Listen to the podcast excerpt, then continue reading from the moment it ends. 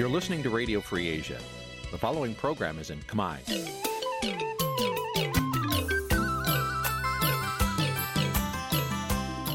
នេះជាកម្មវិធីផ្សាយ Vuthu Azizi Serai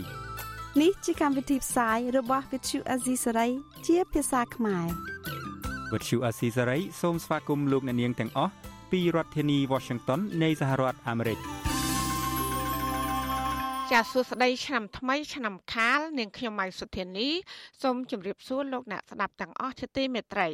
ចាយើងខ្ញុំសូមជូនការផ្សាយសម្រាប់ព្រឹកថ្ងៃប្រហ័ស13កើតខែចែកឆ្នាំខាលចត្វាស័កពុទ្ធសករាជ2565ហើយដល់ត្រូវនឹងថ្ងៃទី14ខែមេសាគ្រិស្តសករាជ2022ចាថ្ងៃនេះគឺជាថ្ងៃមហាសង្ក្រាន្តឆ្នាំថ្មី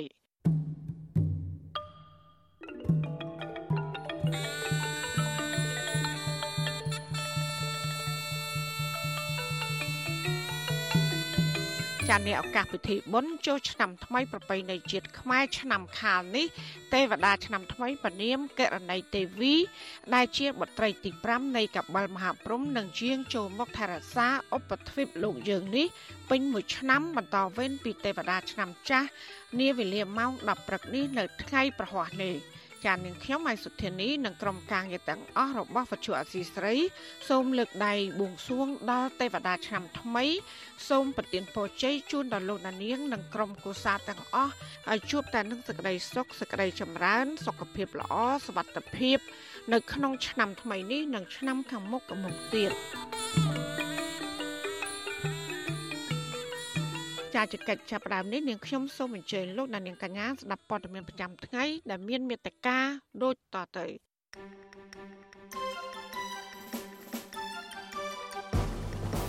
សាធារណជនមានចម្ងល់ថាតើហេតុអ្វីបានជាទេវតាឆ្នាំថ្មីទ្រង់កំភ្លើងនៅនឹងព្រះហស្ថខាងឆ្វេងបរដ្ឋមួយចំនួននៅភ្នំពេញមិនបានទៅចូលរួមប្រពៃពិធីសង្ក្រាន្តថ្ងៃដំបូងនៅខេត្តសៀមរាប។អា ញាធរចាប់បានអក្រិតជនជួញដូរគ្រឿងញៀន4នាក់បន្ថែមទៀតនិងរឹបអូសគ្រឿងញៀនបានជិត50គីឡូក្រាមចាកម្ពុជានិងរុស្ស៊ីបដិញ្ញាពង្រឹងកិច្ចសហប្រតិបត្តិការវិស័យព័ត៌មានស្របពេលដែលរុស្ស៊ីបន្តសង្គ្រាមឈ្លានពាននៅប្រទេសអ៊ុយក្រែនរួមនឹងព័ត៌មានផ្សេងៗមួយចំនួនទៀតជាបន្តទៅទៀតនេះនាងខ្ញុំម៉ៃសុធានីសូមជូនព័ត៌មានទាំងនោះពឺស្ដាប់ ចាលោកនាងជាទីមេត្រីតាមទំនៀមពីបុរាណពិធីបុណ្យចូលឆ្នាំថ្មីប្រពៃណីជាតិឆ្នាំខាលឆ្នាំ2022នេះនឹងចូលមកដល់នៅម៉ោង10ព្រឹកថ្ងៃទី14ខែមេសានេះទេវតាឆ្នាំថ្មីជាបុត្រីទី5នៃកបិលមហាព្រំពនាមកករណីទេវីនឹងចុះមកគ្រប់គ្រងថែរក្សាពិភពលោកបន្តពីទេវតាឆ្នាំចាស់ឆ្នាំឆ្លូវកន្លងទៅនេះ ចាសាធារណជនមានចម្ងល់ថាតើហេតុអ្វី បានជិះទេវតាឆ្នាំថ្មីត្រង់កំភ្លើងនិងប្រហ័សខាងឆ្វេងចាដើម្បីឲ្យបានដឹងថាតើអ្នកជំនាញផ្នែកហោរាសាស្ត្រពន្យល់យ៉ាងណាអំពីរឿងនេះសូមលោកដានៀងស្ដាប់សេចក្តីរាយការណ៍ពិស្ដាររបស់អ្នកស្រីសុជីវីដូចតទៅមហាសង្គ្រាមឆ្នាំថ្មីឆ្នាំខាលឬឆ្នាំខ្លាចូលមកដល់នៅថ្ងៃប្រហ័ស13កើតខែចែកវេលាម៉ោង10ព្រឹក គឺចាំវេនទេពធីតាព្រះនាមកេរណីទេវី ជាបុត្រីទី5នៃកបិលមហាព្រំនឹងចូលមកថែរក្សាទ្វីបលោកយើងនេះក្នុងរយៈពេលពេញមួយឆ្នាំ បន្តវេនពីទេវតាឆ្នាំចាស់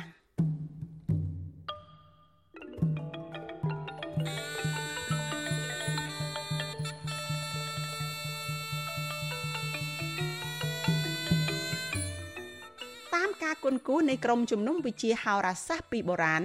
ផ្សព្វផ្សាយដោយគណៈកម្មការស្រាវជ្រាវហោរាសាស្ត្រនិងប្រពៃណីទំនៀមទម្លាប់ខ្មែរបានបង្ហាញថា នៅពេលព្រឹកថ្ងៃប្រហ័ស13កើតខែចែកត្រូវនឹងថ្ងៃទី14ខែមេសានោះព្រះអាទិត្យចរចេញពីមីនអ្នករិស័យទៅស្ថិតនៅឯមេសរិស័យតាមផ្លូវគោវិថីគឺផ្លូវកណ្ដាលទើបមានទេពធីតាមួយព្រះអង្គជាអគ្គមហានាយិកាព្រះនាមកករណីទេវី ជាបុត្រីទី5ក្នុងចំណោមបុត្រីទាំង7អង្គនៃកបិលមហាព្រំគង់នៅចាត់តុមហារាជការទ្រង់អំពើពណ៌បៃតងលំអនៅព្រះការដោយសៀតផ្កាមន្ទាឬមន្ទា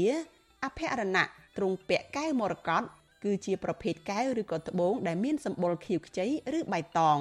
ភ័ស្តសហាទ្រង់សោយសណ្ដែកល្ងទ្រង់អាវុធនៅប្រហ័សទាំងសង គឺប្រហ័សស្ដាំទ្រង់កងវេ ដែលជាប្រដាប់មានផ្លែកងក់ធ្វើដោយដែកមានដងធ្វើដោយឈើសម្រាប់កាវដំរីព្រះហ័សឆ្វេងទ្រង់កំភ្លើងទ្រង់គង់ឈប់បើកប្រណេតនៅលើខ្នងគុជសាឬសត្វដំរីជាពាហនៈ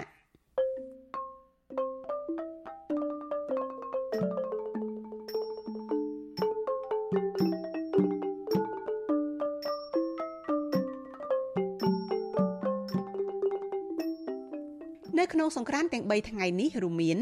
ថ្ងៃប្រហ័ស13កើតខែចែកត្រូវនៅថ្ងៃទី14ខែមករាគ្រិស្តសករាជ2022ជាថ្ងៃដំបូងនៃមហាសង្ក្រាន្តឆ្នាំខាលថ្ងៃសុក្រ14កើតខែចែកត្រូវនៅថ្ងៃទី15ខែមេសា ជាវីរៈវណ្ណបតនិងថ្ងៃសៅរ៍15កើតខែចែកត្រូវនៅថ្ងៃទី16ខែមេសា ជាវីរៈឡើងស័កគម្រប់ជាសង្ក្រាន្ត3ថ្ងៃស្រេចដោយបរិបូរណ៍ ចាលោកអ្នកនាងធ្លាប់បានដឹងបានឮហើយថា ពិធីបុណ្យចូលឆ្នាំថ្មីប្រពៃណីខ្មែរនិងការរៀបចំគ្រឿងរណ្ដាប់ទទួលទេវតាឆ្នាំថ្មី គឺមានជាប់តាក់ទងសំខាន់នឹងរឿងព្រេងនិទានពីបុរាណនៃបុត្រីទាំង7អង្គរបស់កបិលមហាព្រហ្មដែលមានកតបកិច្ចយាងមកបដូរវេនគ្នាថែរក្សាទ្វីបលោកយើងនេះនិងធ្វើបុណ្យថ្វាយបរិយាកុសលដល់ព្រះបិតាតាមកាលកំណត់ទៅតាមជំនឿរបស់ខ្មែរតាំងពីបុរាណកាលរហូតមកដល់សពថ្ងៃនេះ នឹងការរៀបចំគ្រឿងរណ្ដាប់និងពិធីការផ្សេងផ្សេងដើម្បីទទួលទេវតាឆ្នាំថ្មីនិងការគោរពប្រតិបត្តិតាមជំនឿពីបុរាណវិញគេឃើញមានការរៀបចំខុសគ្នាត្រង់ផ្នែកខ្លះទៅតាមខេត្តនិងតំបន់ជាពិសេសរវាងប្រជាពលរដ្ឋសាមញ្ញស្ថាប័នរដ្ឋគ្រឹះស្ថានធំធំ និងព្រះបរមរាជវាំងសម្រាប់ទេវតាឆ្នាំថ្មី ឆ្នាំខាលនេះចាស់ព្រឹទ្ធាចារ្យដែលមានចំណេះជំនាញខាងប្រពៃណីទំនៀមទម្លាប់ពីបុរាណ បានឲ្យកូនចៅប្រុសស្រីទាំងឡាយត្រៀមរៀបចំគ្រឿងសក្ការៈទទួលទេវតាឆ្នាំថ្មី មានបាយសីមួយគូឬរៀបបាយសីជាថ្នាក់មាន3ថ្នាក់5ថ្នាក់7ថ្នាក់និង9ថ្នាក់ស្លាធម៌មួយគូធូប5ទៀន5ទឹកអប់មួយគូ ផ្កាភ្ញីលាជទឹកមួយផ្តិលធំភេសជ្ជៈនំនែកផ្លែឈើនិងសណ្ដែកល្ងផងបើសិនជាមាន ព្រោះជាភ័តតាហាសំខាន់បំផុតសម្រាប់ទេវតាឆ្នាំថ្មីឆ្នាំខាលនេះ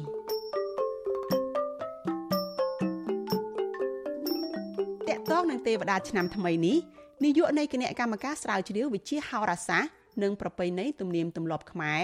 លោកអឹមបូរិនពន្យល់ថាហេតុដែលទេវតាឆ្នាំថ្មី មានទ្រង់កំភ្លើងនៅប្រហ័សឆ្វេងនេះមិនមែនជាការនឹកឃើញដាក់ដោយគណៈកម្មការស្រាវជ្រាវហោរាសាស្ត្រទេ តែនេះគឺជាអ្វីដែលមានចែងនៅក្នុងតម្រាហោរាសាស្ត្រលោកថាការទូទាយតែងតែផ្សារភ្ជាប់ទៅនឹងស្ថានភាពបច្ចុប្បន្នភាពពិភពលោក ដែលនឹងពើប្រទេសនាពេលបច្ចុប្បន្ននេះឬអាចថាជាការប្រមាលមើលទុកជាមុនពីហេតុការណ៍នានាមិនមែនទូទាយពីរឿងរ៉ាវនៅក្នុងអតីតកាលទេរឿងនេះមិនមែនជារឿងរបស់ទេវតាទេជារឿងរបស់ហោរាដែលលោកបានធ្វើការព្យាករទុករាប់ពាន់ឆ្នាំកន្លងមកហើយបាទគឺសុទ្ធតែជាប្រស្នា របស់ហោរាបាទហើយហោរានោះមិនមែនប្រាថ្នាខ្ញុំអ្នកដាក់ទេគឺក្បួនខ្នាតរបស់មហាសង្ក្រាមហៅថាតែមានទំនាយនោះមិនមែនអ្នកហោរាសម័យថ្មីនេះដាក់ទេតែទោះជាយ៉ាងណាព្រះសង្ឃនៅក្នុងព្រះពុទ្ធសាសនានិងសាធារណជនមួយចំនួននៅតែមានមន្ទិលចំពោះអាវុធដែលមាននៅក្នុងដៃទេពធីតានៅក្នុងឆ្នាំថ្មីនេះស្ថាបនិកបណ្ដាញព្រះសង្ឃឯករាជ្យដើម្បីយុត្តិធម៌សង្គមប្រដេចប្រគុណបុត្របន្ទិញមានថេរដីកាថាប្រដេចគុណមិនធ្លាប់ឮទេ ថាទេវតាមានកាន់កំភ្លើងក្នុងប្រវត្តិអាត្មាមិនដែលឃើញទេវតាកាន់កំភ្លើងដឹងអ្នកណាគេមុននិពន្ធរឿងចឹងទេវតាជាទូទៅក្នុងប្រពៃណីជាជារឿងនិទានក្នុងប្រពៃណីទេវតាគឺអាវុធធំរបស់ទេវតាធ្នូស្នាលំពេងដាវមជុលអានឹងជាជាទន្លើបអាវុធរបស់ទេវតាតែទោះជាយ៉ាងណាលោកអឹមបូរិននៅតែប្រកាន់ថា រូបទេវតាមានកាន់កំភ្លើងនៅលើក្របសិភៅមហាសង្ក្រានឆ្នាំថ្មីពិតជាដកស្រង់ចេញពីក្បួនហោរាសាស្ត្រពិតប្រាកដមិនមែនធ្វើទៅតាមការនឹកឃើញឬនិពន្ធរបស់លោកនោះឡើយមិនខុសគ្នានេះដែរសៀវភៅព្រេងពិធីទ្វាទុសមាដែលស្រាវជ្រាវចងក្រងដោយវិទ្យាស្ថានពុទ្ធសាសនបណ្ឌិតដែលអាចចាត់ទុកថាជាក្បួនច្បាប់សំខាន់មួយសម្រាប់ប្រតិបត្តិពិធីតាមជំនឿទំនៀមទម្លាប់ខ្មែរបានបញ្ជាក់ថាបើសង្ក្រាន្តជាថ្ងៃប្រហ័ស នោះទេពធីតាមានព្រះនាមកិរណីទេវី មានអាវុធស្ដាំជាកង្វេឯអាវុធឆ្វេងជាកាំភ្លើងអ្នកសិក្សាស្រាវជ្រាវមួយចំនួនបញ្ជាក់ដែរថា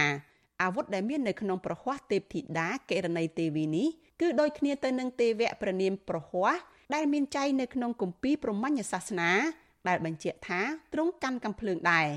ប៉ុន្តែការបកស្រាយរបស់អ្នកសិក្សាស្រាវជ្រាវមិនបានសំដៅទៅលើកំភ្លើងនៅក្នុងសម័យថ្មីនេះសោះ ដោយប្រៀបធៀបទៅនឹងអាវុធរបស់ព្រះឥន្ទដែលសំដៅដល់វជ្ជរៈឬក៏វិជ្រៈជាកម្មរស្មីនៃភ្លើង ឬជាកម្មរន្ទះជាដើមតកតងនឹងទំនាយនៅក្នុងឆ្នាំថ្មីនេះវិញចាស់លោកអឹមបរិនបញ្ជាក់ត្រួសត្រាសថាសកលលោកនេះអាចនឹងពើប្រទះនឹងការប្រើប្រាស់អាវុធឬកំភ្លើងច្រើន សម្រាប់ពិភពលោកអាចនឹងមានប៉ុន្តែសម្រាប់ខ្មែរយើងក៏ភ្លើងប្រហែលជាគ្រាន់តែជាការការពារ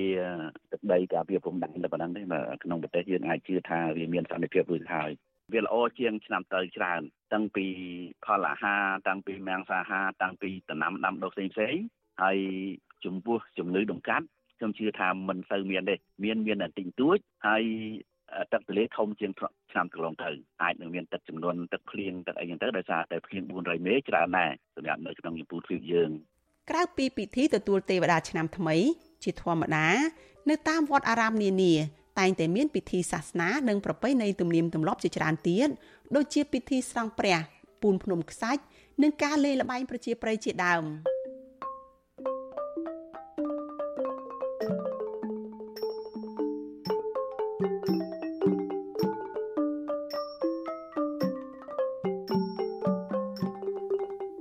ក្នុងឱកាសពិធីបុណ្យចូលឆ្នាំថ្មីប្រពៃណីខ្មែរឆ្នាំខាលឆ្នាំ2022នេះ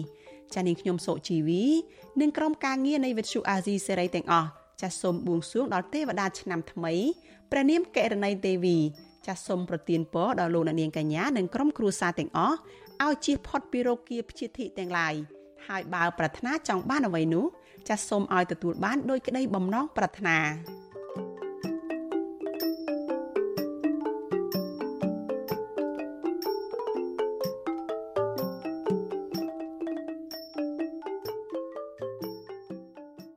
លោកដានីលជាទីមេត្រីអាជ្ញាធរខេត្តសៀមរាបធ្វើពិធីសង្ក្រាន្តថ្ងៃដំបូងដើម្បីបើកឲ្យដំណើរការលេងល្បែងកំសាន្តប្រជាប្រិយនៅឯមុខប្រាសាទចៅសាយទេវតា ក្នុងតំបន់រមណីយដ្ឋានអង្គរចំណែកឯប្រជាប្រដ្ឋធ្វើការនៅរាជធានីភ្នំពេញមួយចំនួន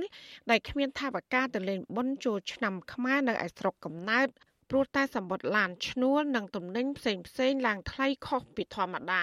ចាអ្នកស្រីខែសំណងរាយការណ៍ព័ត៌មាននេះ ពិធីបុណ្យចូលឆ្នាំខ្មែរដែលនឹងចាប់ផ្ដើមពីថ្ងៃទី14ដល់ថ្ងៃទី16ខែមេសាក្នុងនោះមានខេត្តមួយចំនួនបានរៀបចំតុបតែងលម្អដោយភ្លើងពណ៌និងមានការរៀបចំបែបប្រពៃណីដើម្បីឲ្យប្រជាពលរដ្ឋទៅលេងកម្សាន្តពិសេសនៅខេត្តសៀមរាបនៅថ្ងៃទី13ខែមេសា បានប្រារព្ធបើកកម្មវិធីសៀមរាបសង្ក្រាន្តប្រពៃណីខ្មែរ គណៈពលរដ្ឋមួយចំនួនដែលធ្វើការនៅរាជធានីភ្នំពេញគ្មានឱកាសទៅលេងស្រុកកំណើតក្នុងថ្ងៃពិធីបុណ្យជាតិនេះទេព្រោះតែពួកគាត់ខ្វះខាតថវិកា អភិបាលខេត្តសៀមរាបលោកទាសីហាដែលបានចូលរួមបើកព្រឹត្តិការណ៍សៀមរាបសង្ក្រាន្តនៅថ្ងៃទី13ខែមេសាថ្លែងទៅកាន់អ្នកចូលរួមថា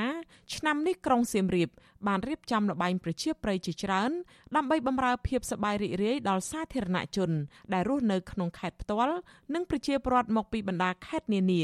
លេងកម្សាន្តនិងទស្សនាប្រាសាទបុរាណនានានៅក្នុងខេត្តរបស់ខ្លួន។ លោកបន្តថាខេត្តសៀមរាបជាខេត្តមួយដែលមានការរៀបចំហេដ្ឋារចនាសម្ព័ន្ធនិងការតុបតែងកន្លែងផ្សេងផ្សេង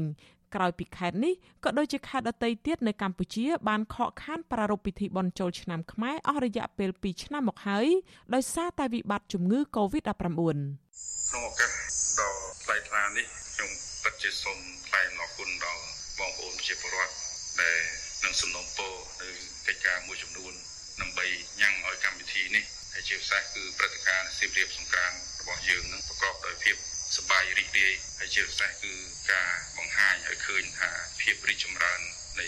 ខេត្តសៀមរាបក៏ដូចជាក្រុងសៀមរាបរបស់យើងពលរដ្ឋរស់នៅខេត្តសៀមរាបលោកសិនរតនាប្រាប់វិទ្យុអេស៊ីសរ៉ៃថាលោកសប្បាយចិត្តដែលមានការរៀបចំពិធីបុណ្យចូលឆ្នាំខ្មែរដោយភាពតាក់ទាញជាងឆ្នាំមុនមុនលោកកត់សម្គាល់ថានៅក្នុងខេត្តសៀមរាប មានប្រជាពលរដ្ឋជិតឆ្ងាយមកចូលរួមលេងកម្សាន្តជាបណ្ដាបណ្ដាតាំងពីថ្ងៃទី10ខែមេសាមកលោកបន្ថែមថាបនជលឆ្នាំរយៈពេល3ថ្ងៃនេះអាចនឹងមានប្រជាពលរដ្ឋកាន់តែច្រើនមកលេងកម្សាន្តបន្ថែមទៀតសម្រាប់ខ្ញុំមានការសប្បាយចិត្តមួយយ៉ាងដែរអញ្ចឹងណាដោយសារតែ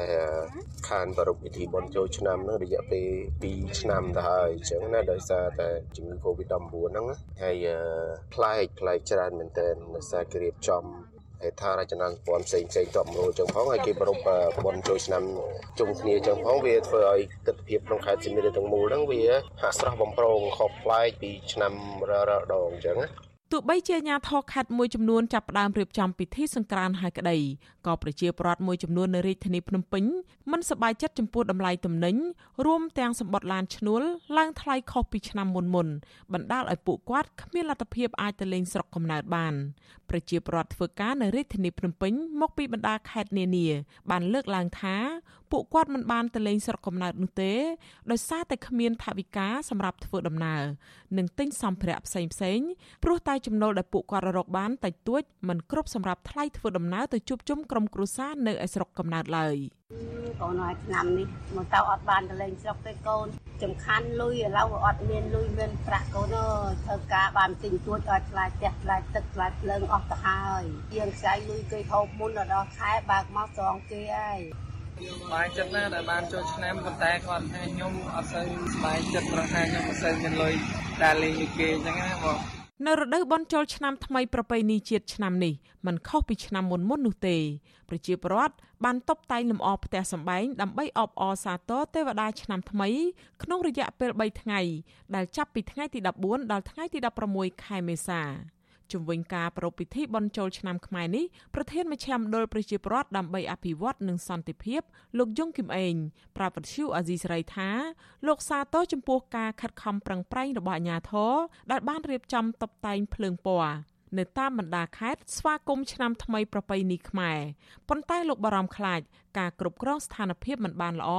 អាចធ្វើឲ្យការសប្បាយរីករាយคล้ายមកជាទុក្ខតាមរយៈការឆ្លងរាលដាលជំងឺ Covid-19 លោកបន្ថែមថាអាញាធរដ្ឋាភិបាលគួរតែពិនិត្យឲ្យបានដិតដល់ចំពោះជនឆ្លៀតឱកាសមួយចំនួន ដែលបានលក់សម្បត្តិឡានឈ្នួលនិងទំនិញឡើងថ្លៃកេងចំណេញពីប្រជាពលរដ្ឋសង្កេតឃើញថាកន្លងមកគឺរដ្ឋាភិបាលតែងតែបញ្ចេញឡានក្រុងដើម្បីដឹកដឹកជញ្ជូនអ្នកដំណើរទៅតាមខេត្តតាមអីហ្នឹងខ្ញុំថាសម្រាប់ឆ្នាំនេះគួរតែធ្វើដូចឆ្នាំមុនទៀតដើម្បីកាត់បន្ថយការចំណាយហើយកុំឲ្យឡានក្រុងនឹងឡើងស្រេចតាមធ្វើចិត្តបាន ហើយម្យ៉ាងវិញទៀតគឺសេវាឡានក្រុងបរដ្ឋនោះគួរតែរត់តាមខេត្តឲ្យបានច្រើនដែរទោះបីថាឬក៏យកនៅក្នុងតម្លៃមួយថោកក៏បានដែរបើថាមិនអោយអត់យកថ្លៃដូចលើកមុនបាទនេះជារឿងមួយសំខាន់ដំណោះស្រាយទី1ដំណោះស្រាយទី2គឺធ្វើម៉េចតបកុំអោយថ្លៃឡានក្រុងដែលឡានរថឈ្នួលឡើងថ្លៃបាទកុំអោយឡើងថ្លៃអានឹងជារឿងមួយសំខាន់ដែរហើយបើសិនជាអាចទម្លាក់ថ្លៃសាំងបានបាទ តិចទៀតក៏ជាការប្រសើរដែរណាជាដំណោះស្រាយបាទដើម្បីជាបរិវត្តហ្នឹងបានធ្វើដំណើរទៅជួបជុំបងប្អូនសាច់ញាតិអីជាដើមបាទជុំវិញរឿងនេះអ្នកនាំពាក្យរដ្ឋាភិបាលលោកផៃស៊ីផានធ្លាប់ប្រាប់វិទ្យុអាស៊ីសេរីដែរថាករណីឡានឈ្នួលមួយចំនួនលក់សម្បត្តិថ្លៃខុសពីធម្មតាដោយសារតែតម្លៃសាំងឡើងថ្លៃរីឯបញ្ហាទំនិញឡើងថ្លៃគឺកើតឡើងនៅគ្រប់ទីកន្លែងទៅហើយក្រោយពីមានសង្គ្រាមរវាងប្រទេសអ៊ុយក្រែននិងរុស្ស៊ី លោកផៃស៊ីផានថ្លែងសំទោសដល់សាធារណជនមួយចំនួន ដែលជួបការលំបាកនេះលោកថារដ្ឋាភិបាលបានខិតខំដោះស្រាយបញ្ហាទាំងនេះជាបណ្ដាបណ្ដាហើយប្រជាពលរដ្ឋនិងសង្គមស៊ីវិលតែងតែលើកឡើងថានៅរាល់ពិធីបុណ្យទានម្ដងម្ដងម្ចាស់អាជីវកម្មនិងឈ្មួញតែងតែឆ្លៀតឱកាសកេងចំណេញពីប្រជាពលរដ្ឋតាមរយៈការលក់ទំនិញដំឡើងថ្លៃនិងដំឡើងថ្លៃសម្បត្តិរថយន្តឈ្នួលជាដើម ប្រជាពលរដ្ឋបានស្នើឲ្យរដ្ឋាភិបាលគួរតែពង្រឹងវិធានការគ្រប់គ្រងឲ្យមានប្រសិទ្ធភាពដើម្បីសម្រួលដល់ប្រជាពលរដ្ឋខ្វះខាតអាចមានលទ្ធភាពទៅលេងស្រុកកំណើតជួបជុំក្រុមគ្រួសារនៅក្នុងឱកាសពិធីបុណ្យជាតិដ៏សំខាន់នេះ។ចានាងខ្ញុំខែសុណងវិទ្យុអាស៊ីសេរីរាយការណ៍ពីរដ្ឋធានី Washington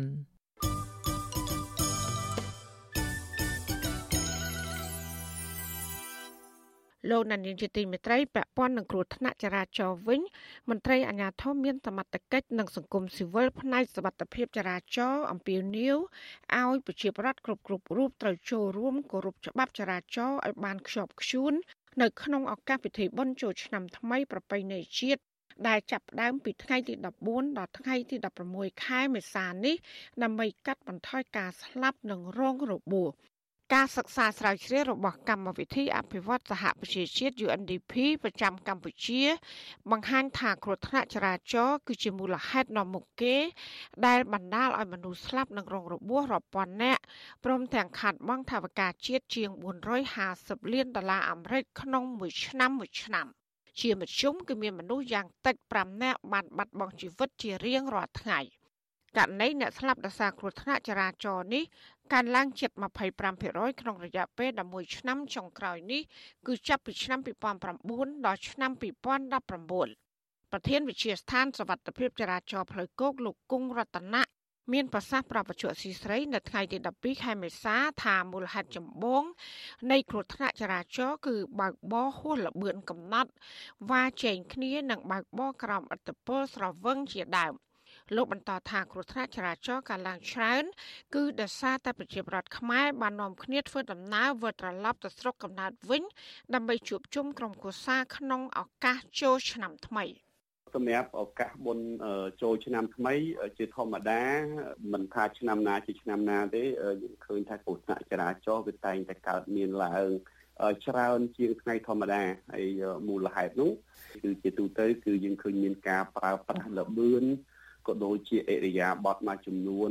មានទាំងការទទួលទាននៅគ្រឿងស្រវឹងអីផ្សេងផ្សេងហ្នឹងដែលបណ្ដាលឲ្យពួកគាត់នឹងឯងបើកបោកស៊ីខ្ជាខ្វះការប្រុងប្រយ័ត្នអញ្ចឹងគឺខ្ញុំមានសំណូមពរគឺទៅដល់ប្រជាពលរដ្ឋគឺសូមឲ្យបងប្អូនទាំងអស់គ្នានឹង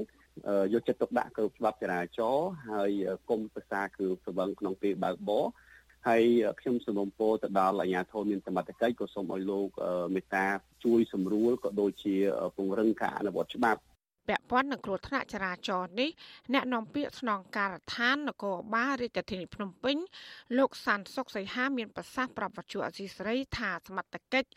បានពង្រឹងកងកម្លាំងការពារសុវត្ថិភាពនៅតាមដងផ្លូវចាប់ពីចុងសប្តាហ៍កន្លងមកនេះដើម្បីសម្រួលការកកស្ទះចរាចរណ៍ ទោះយ៉ាងណាលោកថាដើម្បីកាត់បន្ថយឬក៏ទប់ស្កាត់គ្រោះថ្នាក់ចរាចរណ៍នេះប្រជាពលរដ្ឋត្រូវសហការជាមួយនឹងអាជ្ញាធរនិងត្រូវប្រុងប្រយ័ត្នខ្ពស់នៅពេលធ្វើដំណើរតកតងបញ្ហានៃការរៀបចំផែនការប្រើប្រាស់កម្លាំងក្នុងពិធីបុណ្យចូលឆ្នាំប្រពៃណីជាតិខ្មែរនេះគឺក្នុងការឋាននគរបាលរាជភ្នំពេញគឺយើងបានប្រើប្រាស់កម្លាំងសរុបជាច្រើនអ្នករហូតដល់2200អ្នកជាងហើយក្នុងនោះគឺកម្លាំងចរាចរណ៍គឺយើងប្រើប្រាស់ច្រើនជាងគេ ដើម្បីទី1គឺជួយសម្រួលចរាចរណ៍ក្នុងគោលដៅក្នុងក្រុងទី2គឺជួយសម្រួលចរាចរណ៍ច្រកចេញចូលក្រុងទាំង6ធំធំដើម្បីកាត់បន្ថយការកកស្ទះចំពោះដែលបងប្អូនប្រជាពលរដ្ឋដើម្បីធ្វើដំណើរឲ្យចេញទៅរមណីយដ្ឋានតាមបណ្ដាខេត្តនានាក៏ដូចជាទៅលេងស្រុកកំណើតរបស់ពួកគាត់បាទការរៀបចំនេះគឺវាត្រូវមានការសហការគ្នាមិនមែនតែសមត្ថកិច្ចមួយខាងយើងអាចក្នុងការកាត់បន្ថយដើម្បីកុំឲ្យមានការគ្រោះថ្នាក់ចរាចរណ៍បានទេ ចាលោកសានសុកសីហាក៏បានអំពាវនាវសូមឲ្យប្រជាពលរដ្ឋត្រូវពាក់មួកសុវត្ថិភាពជានិច្ចក្នុងពេលធ្វើដំណើរតាមតូចចក្រយានយន្តទោះជាជិតឬឆ្ងាយនិងមិនត្រូវបើកបរលើសល្បឿនកំណត់ចំណែកឯអ្នកបើកបររថយន្តវិញក៏ត្រូវតែពាក់ខ្សែក្រវ៉ាត់សុវត្ថិភាព មិនត្រូវបត់ឬក៏វ៉ាជែងគ្នានិងប្រើប្រាស់ទូរស័ព្ទដៃជាដាច់ខាតបន្ថែមពីនេះលោកថាអ្នកបើកបរត្រូវគ្រប់សិទ្ធិអតិភិប គោរពសញ្ញាចរាចរណ៍ប្រកាន់ស្ដាំជានិច្ចនិងត្រូវត្រួតពិនិត្យលក្ខណៈបច្ចេកទេសយានយន្តជាប្រចាំជាពិសេសគឺត្រួតពិនិត្យកង់ចង្កូតហ្វ្រាំងភ្លើងបំភ្លឺជាដើមខាងគឺយើងត្រូវមានការចូលរួមសហការគ្នា50 50មានន័យថាប្រជាពលរដ្ឋក៏ត្រូវចូលរួមសហការក្នុងការបើកបរក្នុងការគោរពច្បាប់ចរាចរណ៍កុំបើកបរនិយាយទូរស័ព្ទបាទកុំបើកបរក្នុងស្ថានភាពស្វឹងត្រូវបើកបរក្នុងកម្រិតមួយដែល ច្បាប់កំណត់ដូចជាលបឿននៃនៃច្បាប់ដែលបានកំណត់ដូចជាតាមផ្លូវណាគេកំណត់ប៉ុណ្ណាប៉ុណ្ណាយើងត្រូវបើកបរក្នុងស្ថានភាពនោះកុំឲ្យលើសតាមនឹងហើយមួយវិញទៀតចំពោះម៉ូតូត្រូវតែបើកបរត្រូវតែមានពាក់មួកសុវត្ថិភាពឲ្យបានត្រឹមត្រូវហើយចំពោះរថយន្តត្រូវតែពាក់ខ្សែក្រវ៉ាត់ឲ្យបានត្រឹមត្រូវគ្រោះថ្នាក់ចរាចរណ៍ក្នុងអំឡុងឆ្នាំ2020និង2021មានការធ្លាក់ចុះជាច្រើនព្រោះលំហូរចរាចរណ៍ដោយសារតែការបិទគប់នៃការរាតត្បាតនៃជំងឺ Covid-19 បើធៀបទៅនឹងឆ្នាំ2019 ប៉ុន្តែក្រោយបើកឲ្យដំណើរការប្រទេសជាតិឡើងវិញ ទាំងមន្ត្រីសង្គមស៊ីវិលនិងអាជ្ញាធរបារម្ភពីការកើនឡើង នៃគ្រោះថ្នាក់ចរាចរណ៍ជាក់ស្ដែងទិន្នន័យរបស់នគរបាលជាតិបង្ហាញថានៅថ្ងៃទី11ខែមេសាឆ្នាំ2022នេះយ៉ាងហោចណាស់មានមនុស្ស19នាក់បានស្លាប់និង12អ្នកផ្សេងទៀតបានរងរបួសក្នុងគ្រោះថ្នាក់ចរាចរណ៍នៅទូទាំងប្រទេស តួលេខនេះបានធ្វើឲ្យចំនួនជនរងគ្រោះដែលបានស្លាប់ក្នុងគ្រោះថ្នាក់ចរាចរណ៍ក្នុងរយៈពេល11ថ្ងៃក្នុងខែមេសានេះគឺមានចំនួនអ្នកស្លាប់កើនដល់78នាក់ហើយនឹងរងរបួស125នាក់ផ្សេងទៀតរបាយការណ៍របស់គណៈកម្មាធិការជាតិសវត្ថិភាពចរាចរណ៍ផ្លូវគោកបង្ហាញថាគ្រោះថ្នាក់ចរាចរណ៍ក្នុងឆ្នាំ2021បណ្ដាលឲ្យមនុស្សស្លាប់ជិត1500នាក់ គឺថយចុះប្រមាណ9%បើធៀបនឹងឆ្នាំ2020ដែលមានអ្នកស្លាប់ជាង1600នាក់រីឯអ្នករងរបួសវិញគឺមានចំនួនជាង3600នាក់ដែលថយចុះ23%បើធៀបនឹងឆ្នាំ2020ដែលមានអ្នករងរបួសរហូតដល់ជិត4700នាក់ ក៏ប៉ុន្តែក្នុងឆ្នាំ2019វិញគ្រោះថ្នាក់ចរាចរណ៍បណ្ដាលឲ្យមនុស្សជាង2000នាក់បានស្លាប់ និងរងរបួសជិត14000នាក់និងបណ្ដាលឲ្យកម្ពុជាខាត់បង់ថវិកាចំនួនជាង466លានដុល្លាររបាយការណ៍ដដែលបន្តថាមូលហេតុចម្បងនៃគ្រោះថ្នាក់ចរាចរណ៍ក្នុងឆ្នាំ2021គឺដោយសារការបើកបរលបឿនលឿនហួសកំណត់ចំនួន38% ការមិនគោរពសិទ្ធិអ្នកបើកបរដូចគ្នា24%ការមិនប្រកាន់ស្ដាំ14%ការបើកជែងគ្នាក្នុងស្ថានភាពគ្រោះថ្នាក់គឺមាន8%និងការបើកបរក្នុងភាពស្រវឹងងងុយគេងនិងកត្តាយានយន្តជាដើម។របាយការណ៍ដដែលឲ្យដឹងដែរថា98%នៃគ្រោះថ្នាក់ចរាចរណ៍គឺជាកំហុសរបស់មនុស្សហើយ16%នៃគ្រោះថ្នាក់ចរាចរណ៍នេះបណ្ដាលឲ្យមនុស្សស្លាប់ របាយការណ៍ស្រាវជ្រាវរបស់កម្មវិធីអភិវឌ្ឍសហប្រជាជាតិ UNDP ក៏បានផ្ដល់ជាអនុសាសន៍ដល់រដ្ឋាភិបាលកម្ពុជាឲ្យធ្វើការកែតម្រង់គោលនយោបាយជាច្រើនរួមមាន ពង្រឹងការប្រមូលទិន្នន័យកែលម្អហេដ្ឋារចនាសម្ព័ន្ធនិងលិខិតបទដ្ឋានគតិយុត្តនានា ពង្រឹងការអនុវត្តច្បាប់ចរាចរណ៍ បង្កើនការយល់ដឹង និងផ្លាស់ប្តូរអរិយាប័ត្ររបស់អ្នកបើកបរព្រមទាំងពង្រឹងការអនុវត្តវិធានការដើម្បីឆ្លើយតបជាបន្ទាន់នៃគ្រោះថ្នាក់ចរាចរណ៍នៅកម្ពុជាអើយនៅកំ pl ង plong ហើយណាគ្នាលេងត្រត់តាំងចិត្តបរិសុទ្ធយ៉ាងជារបា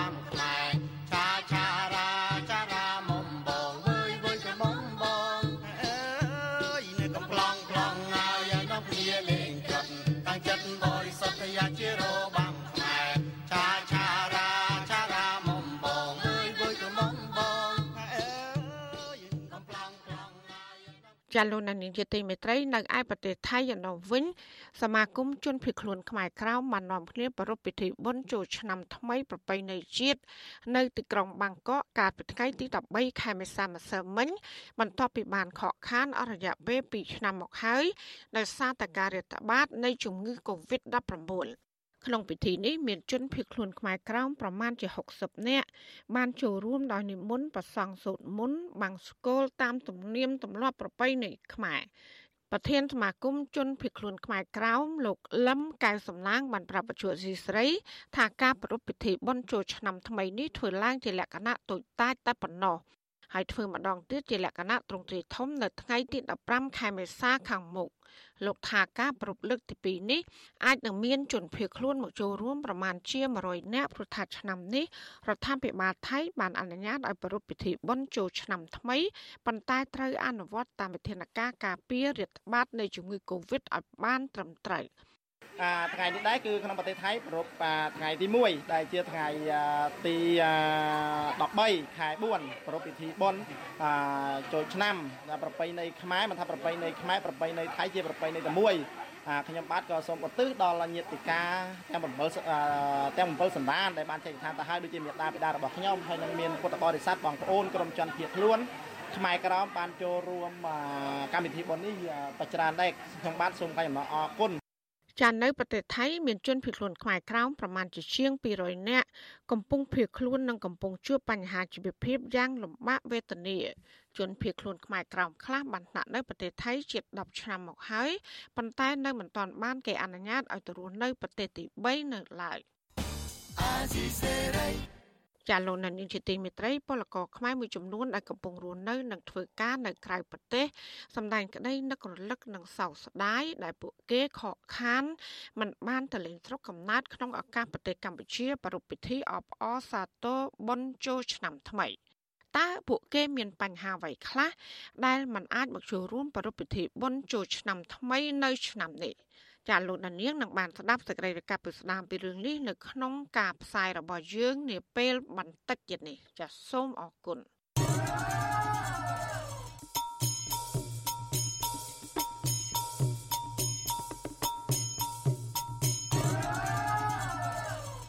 ចាលោកអ្នកស្ដាប់ជាទីមេត្រីនៅកម្ពុជាក្រៅម្ដងវិញ កម្មករខ្មែរក្រោមនិងមន្ត្រីសហព័ន្ធខ្មែរកម្ពុជាក្រោមរិះគន់រដ្ឋាភិបាលវៀតណាមដែលមិនអនុញ្ញាតឲ្យបរតខ្មែរក្រោមអាចឈប់សម្រាករយៈពេល3ថ្ងៃ ដើម្បីប្រារព្ធពិធីបុណ្យចូលឆ្នាំថ្មីពួកគេថាវៀតណាមមានចេតនាមិនចង់ទទួលស្គាល់ខ្មែរក្រោមដែលជាជនជាតិដើមទើបមិនចេញច្បាប់ឲ្យខ្មែរក្រោមអាចឈប់សម្រាកនៅពេលបុណ្យចូលឆ្នាំថ្មីចា៎នេះគឺជាសកម្មភាពរបស់លោកយុនសាមៀនពីរដ្ឋធានី Washington យុវជនខ្មែរក្រោមនិងជាកម្មកររោងចក្រមិនហ៊ានសុំច្បាប់ថៅកែជាជនជាតិវៀតណាមដើម្បីធ្វើដំណើរទៅស្រុកកំណើតជួបជុំឪពុកម្ដាយបងប្អូន ដើម្បីប្រារព្ធពិធីចូលឆ្នាំថ្មីប្រពៃណីជាតិខ្មែរនោះទេពីព្រោះខ្លាចថៅកែដេញចោលពួកគេស្នើសុំឲ្យអាជ្ញាធរវៀតណាមចេញច្បាប់អនុញ្ញាតឲ្យកម្មករ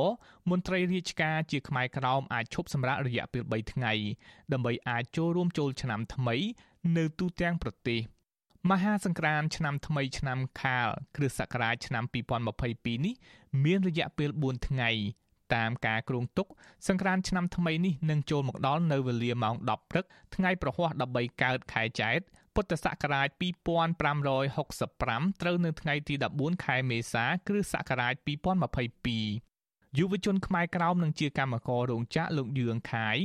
សោកស្ដាយដែលលោកមិនហ៊ានសុំរោងចក្រឈប់សម្រាកដើម្បីចូលឆ្នាំថ្មី លោកសំណុំពរឲ្យរដ្ឋាភិបាលវៀតណាមទទួលស្គាល់ខ្មែរក្រោមជាជនជាតិដើមនិងប្រកាសឲ្យខ្មែរក្រោមឈប់សម្រាកក្នុងពេលពិធីបុណ្យជាតិខ្មែរសំខាន់សំខាន់ដូចជាបុណ្យចូលឆ្នាំថ្មីជាដើម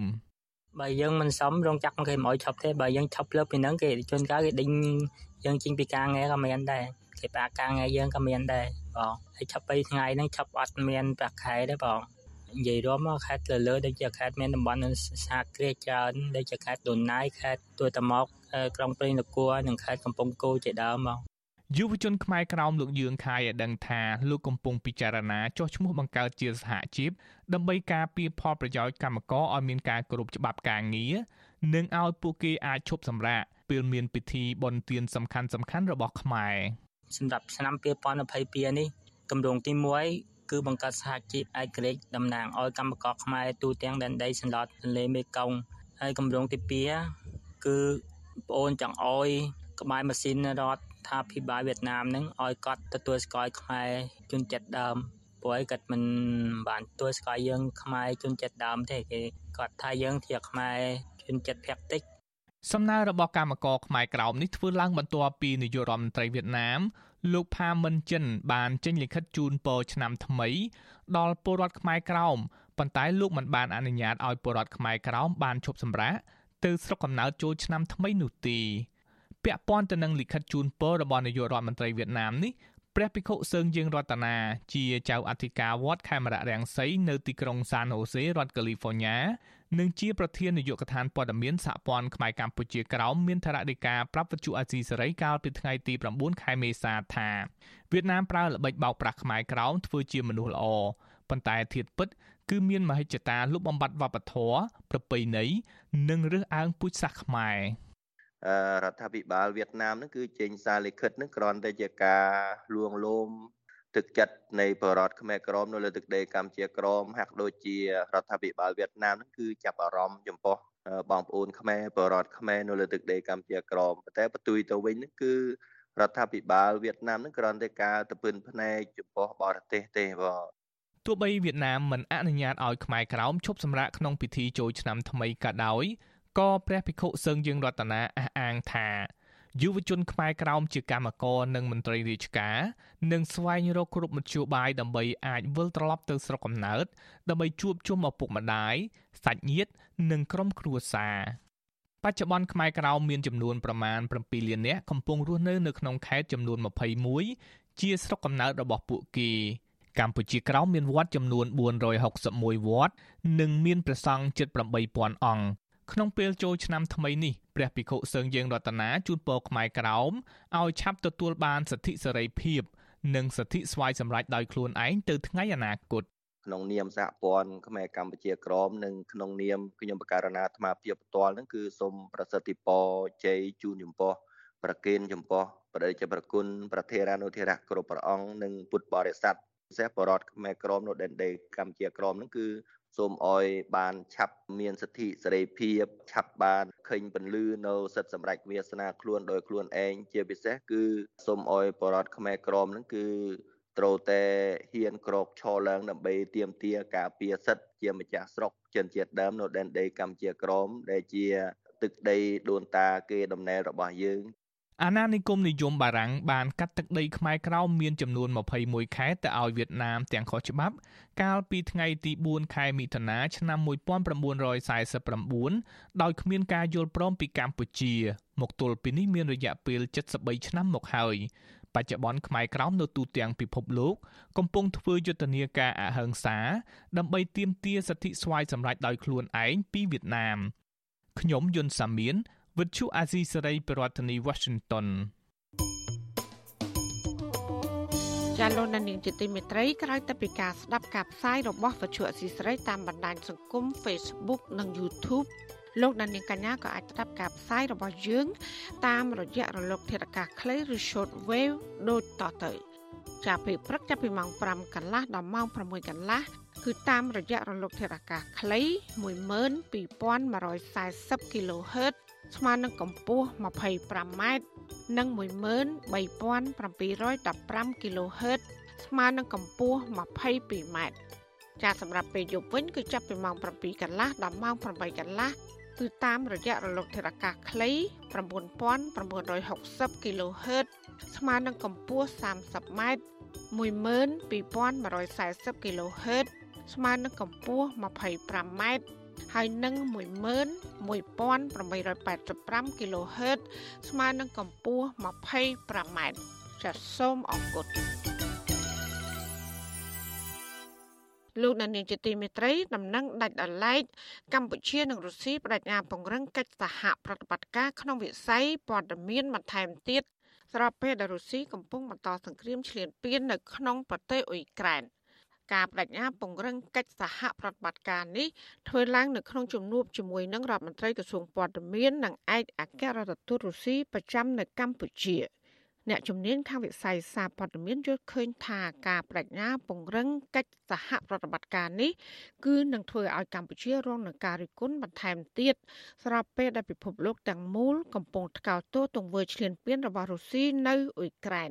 ចាលោកមានរិទ្ធមានសក្តិរការព័ត៌មាននេះ ការបង្ហាញចំហឃ្លីងឃ្លោងរបស់កម្ពុជាងាកទៅគ្រប់គ្រងអតីតចៅហ្វាយនីរបស់ខ្លួន គឺប្រទេសរុស្ស៊ីនៅក្នុងបញ្ហាសង្គ្រាមឈ្លានពានរបស់រុស្ស៊ីនៅអ៊ុយក្រែននោះចាប់ផ្ដើមលេចចេញជារូបរាងបណ្ដាបណ្ដាហើយនារយៈពេលចុងក្រោយនេះជាក់ស្ដែងកម្ពុជាបានសម្រេចបោះឆ្នោតអនុប្រវត្តិនៅអង្គការសហប្រជាជាតិមិនគ្រប់គ្រងហើយក៏មិនបដិសេធចោលចំពោះការព្យួររុស្ស៊ីពីសមាជិកភាពក្រុមប្រឹក្សាសិទ្ធិមនុស្សរបស់អង្គការសហប្រជាជាតិ ដែលទង្វើនេះខុសពីក្រុមប្រទេសនិយមប្រជាធិបតេយ្យដែលបានបោះឆ្នោតគ្រប់គ្រងចុងក្រោយនេះកម្ពុជានិងរុស្ស៊ីបានបដិញ្ញាចិត្តឈានទៅពង្រឹងបន្ថែមទៀតកិច្ចសហប្រតិបត្តិការលើវិស័យព័ត៌មានទៀតផងប្រទេសរុស្ស៊ីដែលពិភពលោកដឹងឮជាទូទៅថាជាប្រភព ឬជាជំរុកនៃរោងចក្រផលិតព័ត៌មានคล้ายៗនិងព័ត៌មានបែបមូលបង្កាច់នោះ មិនចង់ឲ្យកម្ពុជារាយការណ៍ព័ត៌មានអំពីការឈ្លានពានរបស់ខ្លួននៅក្នុងប្រទេសអ៊ុយក្រែនដោយផ្អែកតាមព័ត៌មានរបស់ក្រមប្រទេសលោកខាងលិចនោះទេ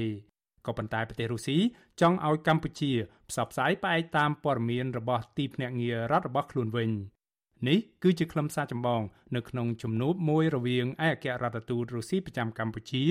ជាមួយរដ្ឋមន្ត្រីក្រសួងព័ត៌មានលោកខៀវកញ្ញរិទ្ធកាលពីថ្ងៃទី13ខែមេសា បើយោងតាមការចុះផ្សាយរបស់ទីភ្នាក់ងារព័ត៌មានកម្ពុជាហៅកាត់ថា AKP វិសុយស៊ីស្រីមិនអាចតតងแนะនាំពាក្យក្រសួងព័ត៌មានលោកមាសសុភ័ណ្ឌដើម្បីសុំការពន្យល់បន្ថែមជុំវិញរឿងនេះបាននៅឡើយទេកាលពីល្ងាចថ្ងៃទី13ខែមេសា ទោះជាយ៉ាងណាបើយោងតាមការចុះផ្សាយរបស់ AKP នៅក្នុងជំនួបនោះឯកអគ្គរដ្ឋទូតរុស្ស៊ីប្រចាំកម្ពុជា លោក Anatoly Borovik បានប្រាប់លោកខៀវកញ្ញរិទ្ធថា រុស្ស៊ីសង្ឃឹមថាកម្ពុជានឹងបានឆ្វេងយល់អំពីព័ត៌មានរវាងរុស្ស៊ីនិងអ៊ុយក្រែននេះឲ្យបានកាន់តែច្បាស់លាស់ដើម្បីកុំឲ្យជឿតាមការផ្សាយដែលលោកហៅថាជាព័ត៌មានបំពុលរបស់ក្រុមប្រទេសលោកខាងលិចនោះលោកថាស្ថានទូតរុស្ស៊ីបានត្រៀមខ្លួនរួចជាស្រេចហើយនៅក្នុងកិច្ចសហប្រតិបត្តិការជាមួយប្រព័ន្ធផ្សព្វផ្សាយនៅកម្ពុជា ដើម្បីផ្ដល់នូវអ្វីមួយ ដែលលោកហៅថាជាព័ត៌មានពិតដល់ប្រជាពលរដ្ឋកម្ពុជា មន្ត្រីការទូតរុស្ស៊ីរូបនោះក៏បានលើកឡើងពីកិច្ចសហប្រតិបត្តិការប្រកបដោយផ្លែផ្កានៅក្នុងការផ្លាស់ប្តូរព័ត៌មាននិងការបណ្ដុះបណ្ដាលតាមអនឡាញរវាងក្រសួងព័ត៌មានរបស់កម្ពុជាក្នុងនោះក៏រួមមានទីភ្នាក់ងារព័ត៌មានកម្ពុជា AKP ស្ថានទូតរុស្ស៊ីប្រចាំកម្ពុជា និងប្រព័ន្ធផ្សព្វផ្សាយរដ្ឋរុស្ស៊ីដូចជាទីភ្នាក់ងារ TASS និង Sputnik ជាដើម។ អ្នកជំនាញខាងវិស័យប្រព័ន្ធផ្សព្វផ្សាយនិងជានាយកប្រតិបត្តិនៃសម្ព័ន្ធអ្នកសារព័ត៌មានកម្ពុជាហៅកាត់ថា Cambodia លោក Novi យល់ថារុស្ស៊ីកំពុងព្យាយាមប្រើប្រាស់នៅឥទ្ធិពលរបស់ខ្លួន តាមរយៈកិច្ចសហប្រតិបត្តិការតាមប្រព័ន្ធផ្សព្វផ្សាយដើម្បីលុបលាងនៅកេរ្តិ៍ឈ្មោះមិនល្អនិងកែប្រែមុខមាត់របស់ខ្លួនជុំវិញរឿងសង្គ្រាមឈ្លានពាននៅប្រទេសអ៊ុយក្រែននេះនៅពេលដែលរុស្ស៊ីក៏ខំប្រឹងប្រែងដើម្បីផ្សព្វផ្សាយនៅព័ត៌មាន ដើម្បីយើងអាចនិយាយថាដែលកសាងនៅគេឈ្មោះរបស់ខ្លួនឬមួយក៏លុបលាងនៅអ្វីដែលជាគេឈ្មោះរបស់ខ្លួនមិនសូវល្អនៅលើពិភពលោកដូចយើងបានដឹងហើយថារុស្ស៊ីគាត់លើកទ័ពមកឈ្លានពាននៅអ៊ុយក្រែនដូច្នេះហើយគាត់អត់ចង់ឃើញមានការផ្សព្វផ្សាយរឿងពាក្យនៃការឈ្លានពានចូលអ៊ុយក្រែននេះនៅលើប្រព័ន្ធផ្សព្វផ្សាយពិភពលោកទេ លោកណូវីបន្តថាការបដិញ្ញាពង្រឹងកិច្ចសហប្រតិបត្តិការរវាងកម្ពុជានិងរុស្ស៊ីលើវិស័យប្រព័ន្ធផ្សព្វផ្សាយនេះនឹងរឹតតែធ្វើឲ្យរដ្ឋាភិបាលកម្ពុជា រងនឹងការរិះគន់ពីសំណាក់ប្រជាពលរដ្ឋនិងសហគមន៍អន្តរជាតិបន្ថែមទៀតស្របពេលដែលរុស្ស៊ីគឺជាប្រទេសមួយ ដែលបានបើកការវាយប្រហារឈ្លានពានទៅលើប្រទេសអ៊ុយក្រែនហើយកំពុងទទួលរងនឹងការថ្កោលទោសជាអន្តរជាតិនោះ។ ក្នុងនាមជាអ្នកធ្វើការនៅក្នុងប្រព័ន្ធផ្សព្វផ្សាយម្នាក់ទេខ្ញុំថាបើសិនជារដ្ឋាភិបាលលោកមានកិច្ចសហប្រតិបត្តិការឬផ្នែកប្រព័ន្ធផ្សព្វផ្សាយជាមួយរុស្ស៊ីនៅពេលនេះខ្ញុំជឿថារដ្ឋាភិបាលកម្ពុជានឹងទទួលរងនឹងការរិះគន់ច្រើនទៀតពីសាធារណជន ចំពោះកិច្ចសហប្រតិបត្តិការនេះពីព្រោះយើងដឹងហើយថានរណាក៏គេបានដឹងដែរថារុស្ស៊ីគឺលើកទ័ពទៅឈ្លានពាននៅអ៊ុយក្រែនហើយបើសិននៅក្នុងករណីនេះយើងដឹងហើយថាបើសិនជាយើងជាអ្នកដែលល្អហើយយើងដើរជាមួយនឹងអ្នកដែលគេកំពុងចោទប្រកាន់រឿងអ្នកដែលស្រឡាញ់សង្គ្រាមអីទៅទៀតខ្ញុំគិតថាมันមានជារូបភាពល្អសម្រាប់យើងប្រហែលទេបាទភ្លាមភ្លាមក្រោយពីកងទ័ពរុស្ស៊ីបើកការវាយប្រហារទៅលើប្រទេសអ៊ុយក្រែនរដ្ឋាភិបាលរុស្ស៊ីបានសម្រេចបិទបណ្ដាញសង្គមមួយចំនួនរួមមានដូចជា Facebook Instagram និង Twitter ជាដើមមិនអោយពលរដ្ឋនៅក្នុងប្រទេសរបស់ខ្លួនប្រើប្រាស់បានរដ្ឋាភិបាលនៃប្រទេសនេះក៏ប៉ុនប៉ងបិទបណ្ដាញសង្គម YouTube ផងដែរ ទោះជាយ៉ាងណាស្ថានទូតរុស្ស៊ីនៅកម្ពុជាបែរជាបង្កើនល្បឿននៃការប្រើប្រាស់បណ្ដាញសង្គមជាពិសេសប្រព័ន្ធ Facebook ដើម្បីផ្សព្វផ្សាយព័ត៌មានឃោសនារបស់ខ្លួននៅកម្ពុជាជាភាសាខ្មែរកាលពីដើមខែមេសានេះស្ថានទូតរុស្ស៊ីប្រចាំក្រុងភ្នំពេញបានបដិសេធមិនទទួលយកញត្តិរបស់ក្រុមអង្គការសង្គមស៊ីវិលនិងក្រុមយុវជន ដែលទាមទារឲ្យរុស្ស៊ីបញ្ឈប់នឹងការឈ្លានពានទៅលើប្រទេសអ៊ុយក្រែនគិតរហូតមកទល់ពេលនេះ មានរយៈពេលជិត2ខែហើយដែលរុស្ស៊ីបានបើកការវាយប្រហារឈ្លានពានទៅលើប្រទេសអ៊ុយក្រែនចាប់តាំងពីថ្ងៃទី24ខែកុម្ភៈតួលេខចុងក្រោយរបស់អង្គការសហប្រជាជាតិឲ្យដឹងថាគិតត្រឹមថ្ងៃអង្គារទី12ខែមេសា មានពលរដ្ឋស៊ីវិលយ៉ាងហោចណាស់ជិត1900នាក់ត្រូវបានសម្លាប់និងជាង2500នាក់បានរងរបួសហើយក្នុងនោះក៏រួមមានទាំងកុមារនិងស្ត្រីផងដែរក៏ប៉ុន្តែអង្គការសហជីវជាតិជឿជាក់ថា តួលេខពិតប្រាកដវិញអាចមានចំនួនច្រើនជាងនេះរដ្ឋាភិបាលទីក្រុងគៀវនៃប្រទេសអ៊ុយក្រែនអះអាងថាមានទាហានរុស្ស៊ីប្រមាណជាង19000នាក់បានស្លាប់ខណៈរដ្ឋាភិបាលនៃទីក្រុងមូស្គូនៃប្រទេសរុស្ស៊ីវិញអះអាងថាយ៉ាងហោចណាស់មានទាហានអ៊ុយក្រែនសរុបប្រមាណ14000នាក់ត្រូវបានសម្លាប់នៅក្នុងសង្គ្រាមនេះ សហរដ្ឋអាមេរិកបានចោទប្រកាន់ប្រទេសរុស្ស៊ីជាផ្លូវការថាបានប្រព្រឹត្តអំពើឧក្រិដ្ឋកម្មសង្គ្រាមនៅប្រទេសអ៊ុយក្រែនដោយសារតែទាហានរុស្ស៊ីបានបើកការវាយប្រហារដោយមិនរើសអើងនិងដោយចេតនាទៅលើគោលដៅស៊ីវិលនានាដូចជាអគារស្នាក់នៅសាលារៀនមន្ទីរពេទ្យហេដ្ឋារចនាសម្ព័ន្ធមជ្ឈមណ្ឌលពាណិជ្ជកម្មនិងរថយន្តសង្គ្រោះបន្ទាន់ជាដើមខ្ញុំបាទមេរិត Visual C ស្រីរាយការណ៍ពីរដ្ឋធានី Washington លោកណានៀងជាទីមេត្រីពាក់ព័ន្ធនឹងជំងឺ Covid-19 វិញក្រសួងសុខាភិបាលរកឃើញអ្នកឆ្លងជំងឺ Covid-19 ចំនួន18ករណីថ្មីទៀតដែលសុទ្ធតែជាវីរុសបំផ្លែងថ្មីអូមីក្រុងឆ្លងក្នុងសហគមន៍គិតត្រឹមព្រឹកថ្ងៃទី13ខែមេសាកម្ពុជា មានអ្នកកើតជំងឺ Covid-19 ត្រប់ជាង135,000នាក់ក្នុងនោះអ្នកជាសះស្បើយមានជាង132,000នាក់ ចំណែកឯអ្នកស្លាប់វិញគឺមានចំនួន3055នាក់ចំពោះការចាក់វ៉ាក់សាំងបង្ការជំងឺ Covid-19 ក្រសួងសុខាភិបាលប្រកាសថាគិតត្រឹមថ្ងៃទី11ខែមេសារដ្ឋាភិបាល បានចាក់ជូនប្រជាពលរដ្ឋដែលមានអាយុចាប់ពី3ឆ្នាំឡើងទៅ បានជាង14លាន8សែននាក់សម្រាប់ដូសទី1រីឯដូសទី2ចាក់បានជាង14លាន1សែននាក់ហើយដូសទី3និងដូសទី4វិញរដ្ឋាភិបាលក៏បានចាក់ជូនបរិវត្តបានជាង9លាន2សែននាក់ ចាលោកនាងជាទីមេត្រីក្នុងឱកាសនេះដែរនាងខ្ញុំសូមថ្លែងអំណរគុណដល់លោកនាងកញ្ញាដែលតែងតែមានភក្ដីភាព ចំពោះការផ្សាយរបស់យើង ហើយចាត់ទុកការស្ដាប់វិទ្យុអសីស្រីជាផ្នែកមួយនៃសកម្មភាពប្រចាំថ្ងៃរបស់លោកអ្នកចាការគ្រប់គ្រងរបស់លោកនាងនេះហើយដែលធ្វើយើងខ្ញុំមានទឹកចិត្តកាន់តែខ្លាំងបន្ថែមទៀតក្នុងការស្វែងរក និងផ្តល់ព័ត៌មាន សម្រាប់ជូនលោកនាង ចាំមានអ្នកស្ដាប់និងអ្នកទស្សនាកាន់តែច្រើនកាន់តែធ្វើឲ្យយើងខ្ញុំមានភាពស្វាហាប់មោះមុតជាបន្តទៀតចាយើងខ្ញុំសូមអរគុណទុកជាមុនហើយក៏សូមអញ្ជើញលោកដានៀងកញ្ញាចូលរួមជំរុញសកម្មភាពផ្តល់ព័ត៌មានរបស់យើងនេះឲ្យកាន់តែបានជោគជ័យបន្ថែមទៀត ចាលោកដានៀងអាចជួយយើងខ្ញុំបានដោយគ្រាន់តែចុចចែករំលែកឬ share ការផ្សាយរបស់យើងខ្ញុំនៅលើបណ្ដាញសង្គម Facebook និង YouTube ទៅកាន់មិត្តភ័ក្តិរបស់លោកនាងដើម្បីឲ្យការផ្សាយរបស់យើង បានទៅដល់មនុស្សកាន់តែច្រើនចាសសូមអរគុណ ចាលោកនាងជាទីមេត្រីពាក់ព័ន្ធនឹងបញ្ហាគ្រឿងញៀនវិញអាជ្ញាធរចាប់បានអក្រិតជនជួញដូរគ្រឿងញៀន4នាក់បន្ថែមទៀតនិងរឹបអូសគ្រឿងញៀនបានជិត50គីឡូក្រាមដែលក្រុមឈ្មួញបានរក្សាទុកនៅក្នុងឃ្លាំងមួយនៅក្រុងភ្នំពេញមន្ត្រីអង្គការសង្គមស៊ីវិលលើកឡើងថាបញ្ហាគ្រឿងញៀននេះ កំពុងកើនឡើងយ៉ាងគំហុកហើយដែលធ្វើឲ្យប៉ះពាល់ដល់សន្តិសុខសង្គមនិងក្រុមយុវជនចំនួនក្រោយត្រូវប្រឈមបាត់បង់អនាគតដោយសារតែការប្រើប្រាស់គ្រឿងញៀនចាសសូមស្ដាប់សេចក្តីរាយការណ៍របស់លោកលេងម៉ាលីជុំវិញបញ្ហានេះអញ្ញាធិបប្រឆាំងគ្រឿងញៀនបង្ក្រាបបានក្រុមអក្រិតជនគ្រឿងញៀនចំនួន4នាក់បន្ថែមទៀតស្ថិតនៅឃ្លាំងដាក់អីវ៉ាន់មួយកន្លែងក្នុងភូមិតងើកណ្ដាលសង្កាត់និរោធខណ្ឌច្បារអំពៅនៅព្រឹកថ្ងៃទី13មេសា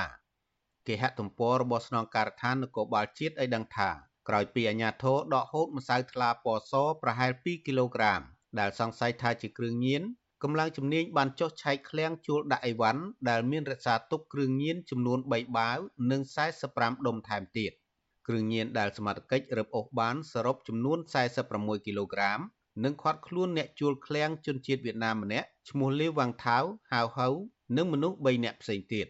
អគ្គស្នងការនគរបាលជាតិទទួលបន្ទុកបង្ក្រាបបទល្មើសគ្រឿងញៀនលោកម៉ាក់ជីតូប្រាប់វិទ្យុអស៊ីសេរីនៅថ្ងៃទី13មេសាថាក្រុមសមត្ថកិច្ចជំនាញកំពុងស្រាវជ្រាវនៅទីតាំងឃ្លាំងរក្សាគ្រឿងញៀននោះលោកបន្តថាបញ្ហាគ្រឿងញៀនសប្តាហ៍នេះនៅមិនទាន់មានភាពធូរស្បើយនោះទេដោយសារក្រុមអ ுக ្រិតជនលួចបន្លំដឹកចេញពីតំបន់ត្រីកោណមាសរួចបន្តឆ្លងដែនតាមប្រទេសឡាវនិងវៀតណាមចូលមកកម្ពុជាទៅទៅ ករណីវាតិចប៉ុន្តែយើងចាប់បាននោះបរិមាណច្រើនច្រើនបរិមាណគឺបងទូទាំងប្រទេសហ្នឹងវាជា3តោនជាងហើយទៅភាគច្រើនគ្រឿងញៀននាំចេញពីត្រីកោណមាសឆ្លងមកឡាវឆ្លងមកយើងបានបន្តទៅប្រទេសទី3ថែមទៀតលោកម៉ាជីតូឲ្យដឹងថាគ្រឿងញៀន46គីឡូក្រាមដែលអាជ្ញាធររឹបអូសបានភ ieck ច្រើនជាប្រភេទមេតាំហ្វេតាមីនដែលក្រុមអ ுக ្រិតជនទាំងនោះបានរុំថង់ផ្លាស្ទិករួចជាស្រេចដើម្បីបំរុងដឹកជញ្ជូនទៅប្រទេសទី3ជុំវិញរឿងនេះ មន្ត្រីសង្គមស៊ីវិលសង្កេតឃើញថាវត្តមានគ្រឿងញៀននិងសារធាតុញៀននៅកម្ពុជាសប្តាហ៍នេះកំពុងមានសន្ទុះខ្លាំងតាមរយៈការនាំចូលច្រើនសន្ធឹកសន្ធាប់របស់ក្រុមវិនិយោគទុច្ចរិតពួកគេបន្តស្នើឲ្យអាជ្ញាធរស៊ើបអង្កេតមន្ត្រីនៅតាមច្រកទ្វារព្រំដែននិងត្រូវធានាតម្លាភាពដោយមិនមានការប្រព្រឹត្តអំពើពុករលួយដើម្បីទប់ស្កាត់លំហូរគ្រឿងញៀនទាន់ពេលវេលាប្រធានមជ្ឈមណ្ឌលប្រជាពលរដ្ឋដើម្បីអភិវឌ្ឍនិងសន្តិភាព លោកយងកំឯងបារម្ភពីមន្ត្រីនៅតាមច្រកព្រំដែនដែលអនុវត្តច្បាប់ធូររលុងបណ្ដាលឲ្យក្រុមអក្រិតជនដឹកជញ្ជូនគ្រឿងញៀនចូលកម្ពុជាលោករិះគន់ថាបញ្ហាគ្រឿងញៀននេះនៅតែកើតមានឡើងឥតថមថយគឺដោយសារតែមានអាជ្ញាធរឬអ្នកមានអំណាចមួយចំនួននៅតែមិនទាន់អាចជំរះបញ្ហាលាងលុយកខ្វក់និងការខົບខិតគ្នាជាប្រព័ន្ធប្រព្រឹត្តអំពើពុករលួយលើរឿងនេះ។ បញ្ហាគ្រឿងញៀនផលប៉ះពាល់ដោយសារគ្រឿងញៀននេះគឺវាមិនមានការថមថយក្តីសាទរទេដោយសារតែគ្រឿងញៀនបានរីករាលដាលតាំងពីទីក្រុងរហូតដល់ជនបទហើយវាបង្កការគំរាមកំហែងទៅដល់សហគមន៍ជាពលរដ្ឋយ៉ាងខ្លាំងណាស់ខ្ញុំសូមឲ្យថាការធ្វើកិច្ចការងាររបស់សមត្ថកិច្ចនៅក្នុងការប្រយុទ្ធឆាំងគ្រឿងញៀននេះគឺត្រូវគួរតែធ្វើជាដូចភ្លៀងរលឹមកុំឈប់បាទធ្វើជាប្រចាំហើយចាត់វិធានការមិនរើសមុខទោះអ្នកនោះមានខ្នងមានខ្សែក៏ដោយក៏ត្រូវចាត់វិធានការឲ្យបានជាដាច់ខាតហើយនឹងការអនុវត្តច្បាប់ប់ឲ្យបានស្មើស្មើគ្នាអាញាធរបង្ក្រាបគ្រឿងញៀនឲ្យដឹងថារយៈពេល4ខែក្នុងឆ្នាំ2022នេះសមត្ថកិច្ចរឹបអូសបានសារធាតុញៀនជាង3តោនកាលពីឆ្នាំ2021កន្លងទៅ សមត្ថកិច្ចបង្ក្រាបបទល្មើសគ្រឿងញៀនសរុបជាង6000ករណីនិងបានរឹបអូសបានសារធាតុញៀនសរុបជាង4តោនព្រមទាំងឃាត់ខ្លួនជនសង្ស័យសរុបជិត14000នាក់ក្នុងឆ្នាំ2021ដដែលនោះ អាញាធរក៏បានបណ្ដេញជនជាតិចិនជិត300នាក់ឲ្យត្រឡប់ទៅប្រទេសពួកគេវិញក្រោយពីបានប្រព្រឹត្តល្មើសច្បាប់នៅកម្ពុជាសមត្ថកិច្ចឲ្យដឹងថាបទអក្រិតដែលពួកគេបានប្រព្រឹត្តនៅកម្ពុជាភាគច្រើនគឺករណីជួញដូរគ្រឿងញៀនចាប់ចម្រិតទារប្រាក់និងករណីកាន់កាប់អាវុធខុសច្បាប់ជាដើមខ្ញុំបាទលេងម៉ាលីវិទ្យុអស៊ីសេរីរាយការណ៍ពីរដ្ឋធានី Washington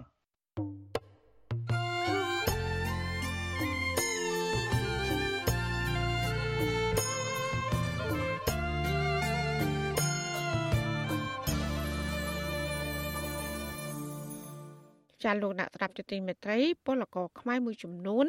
ដែលកំពុងរស់នៅនិងធ្វើការនៅក្រៅប្រទេស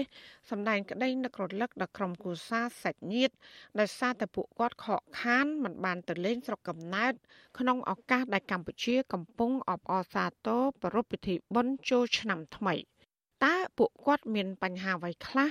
ដែលមិនអាចមកចូលរួមប្រពៃពិធីបុណ្យចូលឆ្នាំថ្មីតើពួកគាត់បួងសួងអ្វីខ្លះក្នុងឱកាសបុណ្យនេះ ចាសសូមលោកអ្នកនាងកញ្ញាស្ដាប់សេចក្តីរាយការណ៍របស់អ្នកស្រីខែសំណងជុំវិញបញ្ហានេះ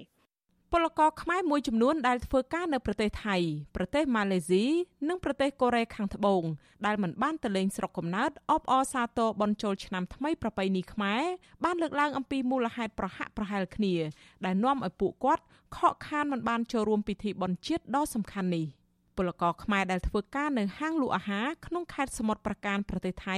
លោកខឿតចាណាដែលមានស្រុកកំណើតនៅខេត្តបាត់ដំបងថ្លែងថារយៈពេល3ឆ្នាំហើយដែលលោកខកខានមិនអាចទៅផ្ទះបានលោកថាព្រោះតែលោកជាពលករដែលមកស្វែងរកការងារធ្វើដោយខ្លួនឯងមិនមែនធ្វើការតាមរយៈក្រុមហ៊ុន ឬថាជាពលករ MOU កាន់ឯកសារអនុសារណៈដូច្នេះរាល់ការចេញចូលប្រទេសថៃទាមទារឲ្យលោកធ្វើឯកសារជាច្រើន ដែលនាំឲ្យមានការលំបាកនិងចំណាយច្រើនលោកថាឲ្យតែរដូវបុណ្យចូលឆ្នាំមកដល់ចិត្តគំនិតរបស់លោកតែងនឹកនាដល់អ្នកមានគុណនិងសាច់ញាតិជាពុនពេកបាទ នឹកនឹកអ្នកផ្ទះនឹកម៉ែនឹកឪនឹកបងប្អូនទៅស្រាប់ហើយយើងយើងមកស្រុកគេដែលសុបាយដល់កាប់ដៅតិចទៅស្រុកយើងបើសិនអ្នកស្រុកខ្មែរនៅធ្វើការលើមួយខែបានផ្ទះម្ដងអញ្ចឹងប៉ុណ្ណឹងនៅតែនឹកកូនចៅនៅតែនឹកម៉ែឪចុះទៅរំមកយើងមកពី3ឆ្នាំ4ឆ្នាំបានទៅផ្ទះម្ដងយើងចិត្តមើលទៅយើងគុណមើលទៅវាសំបីអ្នកនៅស្រុកខ្មែរនៅដូចយើងនៅតាមខេត្តយើងទៅពេញនៅនៅផ្ទះគេសម្រាប់មកយើងមកស្រុកគេយ៉ាងទៀតពលករចំណាក់ស្រុកធ្វើការនៅប្រទេសថៃមួយរូបទៀតគឺលោកស្រីឆុងនៀត ថ្លែងដោយខ្លីថាមូលហេតុដែលលោកស្រីមិនបានទៅលេងស្រុកកំណើតគឺមកពីលោកស្រីខ្វះខាតជីវភាព ថែមទាំងជំពាក់បំណុលគេផង លោកស្រីថាបើឆ្នាំនេះប្រទេសថៃបើកឲ្យប្រារព្ធពិធីសង្ក្រាន្តឆ្នាំថ្មីលោកស្រីមានតែនាំកូនកូនចូលរួមសប្បាយជាមួយជនជាតិថៃ ជាការបំភ្លេចក្តីនឹករលឹកស្រុកទេសបានមួយគ្រាដែរអត់បានទៅផងអត់មានលុយទៅជើទៅ ចាដោយសារខ្ញុំកូនចៅច្រើនហងទៅចឹងទៅរកតែឯងតែពីមុនខ្ញុំស្គាល់ថារកពីបានចឹងទៅទៅខ្ញុំមកថៃមកខ្ញុំតែបានទៅលេងជួយឆ្នាំផងនិយាយរួមនិយាយរួមខ្ញុំអត់លុយហើយណាមួយទៅថាខ្ញុំនៅនេះខ្ញុំក៏ស្ទាក់ទៅច្រើនដែរ ស្រដៀងគ្នានេះដែរពលករធ្វើការនៅរោងចក្រកាត់ដេរមួយក្នុងប្រទេសម៉ាឡេស៊ីឯនោះវិញលោកស្រីសំសុភ័ណ្ឌដែលមានស្រុកកំណើតនៅខេត្តកំពង់ចាមថ្លែងទាំងក្តុកក្តួលថាឲ្យតែរដូវបុណ្យទានមកដល់ក្តីនឹករលឹកកូនកូននិងម្ដាយជរានៅឯផ្ទះកាន់តែកើនទ្វេលោកស្រីថាដោយសារវិបត្តិ COVID-19 បានធូរស្រាលបន្តិចលោកស្រីមានការងារធ្វើឡើងវិញដូច្នេះគាត់ត្រូវប្រឹងសន្សំប្រាក់ផ្ញើទៅម្ដាយដើម្បីដោះបំណុលធនាគារ ចង់ទៅខ្មែរដែរតែពីគ្រាន់ថាយើងអត់អត់សល់លុយសល់កាក់អញ្ចឹងអ្នកគ្រូចេញមកវិស្រុកហើយដូចថាទៅខ្មែរវិញឲ្យសល់លុយសល់កាក់ព្រោះពេលយើងទៅអត់មានលុយមានកាក់យើងពិបាករស់នៅស្រុកយើងអញ្ចឹងខែចូលឆ្នាំអញ្ចឹងបងប្អូនមកជុំគ្នាអត់ទៅយើងអញ្ចឹងគិតថាស្អែកនេះអឺពួកបងបងខ្មែរគាត់ថាសុំមេចេញម៉ោង8អញ្ចឹងព្រោះអីមកចូលឆ្នាំទឹកមុននោះនាំគ្នាទៅវត្តវត្តខ្មែរនៅស្រុកគេបែកបែកកូនបែកចៅ បែកម្ដាយខែបុនខែទៀនបានតែមើលតាមទូរស័ព្ទកូនតេរហូតហ្នឹងស្នងខ្លួនហ្នឹងហើយខែបុនព្រោះទៅតឥឡូវនេះតកែឲ្យថៃម៉ោង9រហូតវាហត់នឿយអញ្ចឹងណាផ្ទុយពីពលករនៅប្រទេសថៃនិងប្រទេសម៉ាឡេស៊ីពលករដែលកំពុងបំពេញការងារនៅប្រទេសកូរ៉េខាងត្បូងមិនសូវមានបញ្ហាជីវភាពដូចនេះទេ ពលករនៅប្រទេសកូរ៉េខាងត្បូងយុវជនឃ្លោកលៀបថ្លែងថាពលករធ្វើការនៅក្នុងប្រទេសនេះមិនងាយនឹងបានចេញទៅស្រុកកំណើតនោះឡើយព្រោះតែការងារក្នុងប្រទេសនេះមមាញឹកច្រើនបើទោះជាស្ថិតនៅក្នុងស្ថានភាពប៉ះពាល់ដោយសារវិបត្តិ COVID-19 ក្តីយុវជនរូបនេះរៀបរាប់បន្ថែមដូចនេះនឹករលឹកមែនតែនដល់ខែមនសនដៅខែចូលឆ្នាំកញ្ចេះ ដល់ពេលឃើញគេចូលឆ្នាំខានចូលឆ្នាំ2ឆ្នាំរៀងធូរចិត្តដល់ពេលគេបើកចូលឆ្នាំវិញទៅសងលេងចូលឆ្នាំ5ថ្ងៃមានអារម្មណ៍ថាវាទោះបីជាក្នុងយុគសម័យកូវីដក៏ដោយក៏ប៉ុន្តែមានអារម្មណ៍ថានឹកសំណោះខ្លួនធ្វើការអារម្មណ៍ហោះហើរទៅចូលឆ្នាំស្រុកខ្មែរបាត់ហើយធ្វើត្បិតតរូបកាយនៅធ្វើការមែនពិតដៃធ្វើការក៏ប៉ុន្តែអារម្មណ៍ចិត្តនឹកស្រុកកំណើតជាពុនពេកខ្លាំងណាស់ឃើញគេជួបជុំសាច់ញាតិបងប្អូនចំណែកពួកខ្ញុំនៅឆ្ងាយស្រុកនៅប្រទេសក្រៅនៅប្រទេសកូរ៉េនេះมันអាចដកឃ្លាទៅជួបជុំឪពុកម្ដាយបងប្អូនបានដោយសារតែការងាររវល់ហើយណាមួយមិនមែនពួកខ្ញុំអត់មានសហួយទៅទេក៏ប៉ុន្តែរវល់ការងារណាមួយមិនងាយសុំតកែទេដឹងស្រាប់ហើយព្រោះការងារគេប្រញាប់ណាស់ដូច្នេះមិនអាចងាយសុំបានទៅទេអញ្ចឹងអ្នកខ្លះអាចសុំបានទៅក៏ប៉ុន្តែប្រាក់ខែក៏គេកាត់ហើយចំណាយក៏ច្រើនចាយវាយអី4 5000អីទៅដល់ពេលអញ្ចឹងទៅបានជាពួកយើងនៅឆ្ងាយមិនងាយបានទៅទេហើយនឹកស្រុកកំណើតខ្លាំងណាស់បាទក្រៅពីសម្ដែងក្តីនឹករលឹកដល់ក្រុមគ្រួសារសាច់ញាតិនិងស្រុកទេសនៅក្នុងឱកាសប្រារព្ធពិធីបុណ្យចូលឆ្នាំថ្មីប្រពៃណីជាតិ យុវជនឃ្លោកលៀបបានបួងសួងថាលោកចង់បានប្រទេសជាតិដែលមានអ្នកដឹកនាំល្អ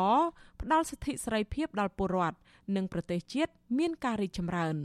ក្នុងឱកាសចូលឆ្នាំថ្មីប្រពៃណីជាតិខ្មែរនេះជា ពិសេសមុននឹងបនទេវតាខ្ញុំសូមផ្ញើសារនេះបើសិនជាបានលើទៅដល់លោកនាយករដ្ឋមន្ត្រីហ៊ុនសែនមេដឹកនាំផ្ទាល់តែម្ដងសូមឲ្យលោកផ្លាស់ប្ដូរចិត្តគំនិតផ្លាស់ប្ដូរអេរយាប័តផ្លាស់ប្ដូរអត្តចរិតកាយសាហាវសូមបន្ទន់ចិត្តគាត់ឲ្យគាត់មានមេត្តាចិត្តផ្លាស់ប្ដូរឆ្នាំថ្មីនេះហើយនឹងបួងសួងដល់ទេវតាឆ្នាំថ្មីជួយបន្ទន់ចិត្តគាត់បន្ថែមទៀតឲ្យគាត់មានមេត្តាដល់ប្រជាពលរដ្ឋខ្មែរឈប់ធ្វើបាបប្រជាពលរដ្ឋខ្មែរដោះលែងអ្នកទោសនយោបាយដោះលែងអ្នកដែលស្នេហាជាតិឈប់ធ្វើបាបធ្វើទុកបុកម្នេញអ្នកដែលតស៊ូដើម្បីប្រទេសជាតិទៀតទៅលោកនាយករដ្ឋមន្ត្រីអាយុកាន់តែចាស់ហើយដូច្នេះសូមទេវតាឆ្នាំថ្មីជួយបន្ទន់ចិត្តលោកថែមនិងលោកខ្លួនឯងត្រូវតែផ្លាស់ប្ដូរអត្តចរិតផ្លាស់ប្ដូរអាកប្បកិរិយាមុននឹងបនទេវតាខ្ញុំសូមឲ្យលោកហ៊ុនសែនផ្ទាល់ផ្លាស់ប្ដូរហើយឲ្យប្រជាពលរដ្ឋខ្មែរបានសុខពលករចំណាក់ស្រុកបានលើកឡើងថាអ្វីដែលជាក្តីប្រាថ្នាធំរបស់ពួកគាត់មួយទៀតនោះ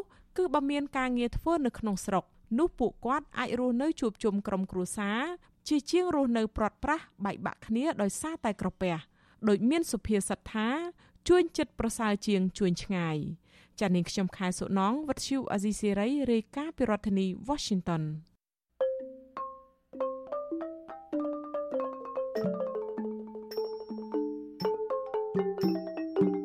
លលោកនាយកជាទីមេត្រីការផ្សាយរយៈពេល1ម៉ោងនៃវិទ្យុអសីស្រីជាភាសាខ្មែរនៅពេលនេះចាប់តែប៉ុណ្ណេះចានាឱកាសពិធីបុណ្យចូលឆ្នាំថ្មីឆ្នាំខាលនេះនាងខ្ញុំម៉ៃសុធានីព្រមទាំងក្រុមការងារទាំងអស់របស់វិទ្យុអសីស្រីសូមប្រតិបត្តិជ័យជូនដល់លោកនាងនិងក្រុមគ្រួសារទាំងអស់សូមជួបប្រកបតែនឹងសេចក្តីសុខសេចក្តីចម្រើន មានសុខភាពល្អធ្វើដំណើរទៅណាមកណាសូមទទួលបាននូវសុខភាពជៀសវាងគ្រោះថ្នាក់ទាំងឡាយនៅក្នុងឆ្នាំថ្មី និងឆ្នាំខាងមុខខាងមុខទៀតចា៎នាងខ្ញុំសូមអរគុណនិងជម្រាបលាសួស្តីឆ្នាំថ្មីឆ្នាំខាល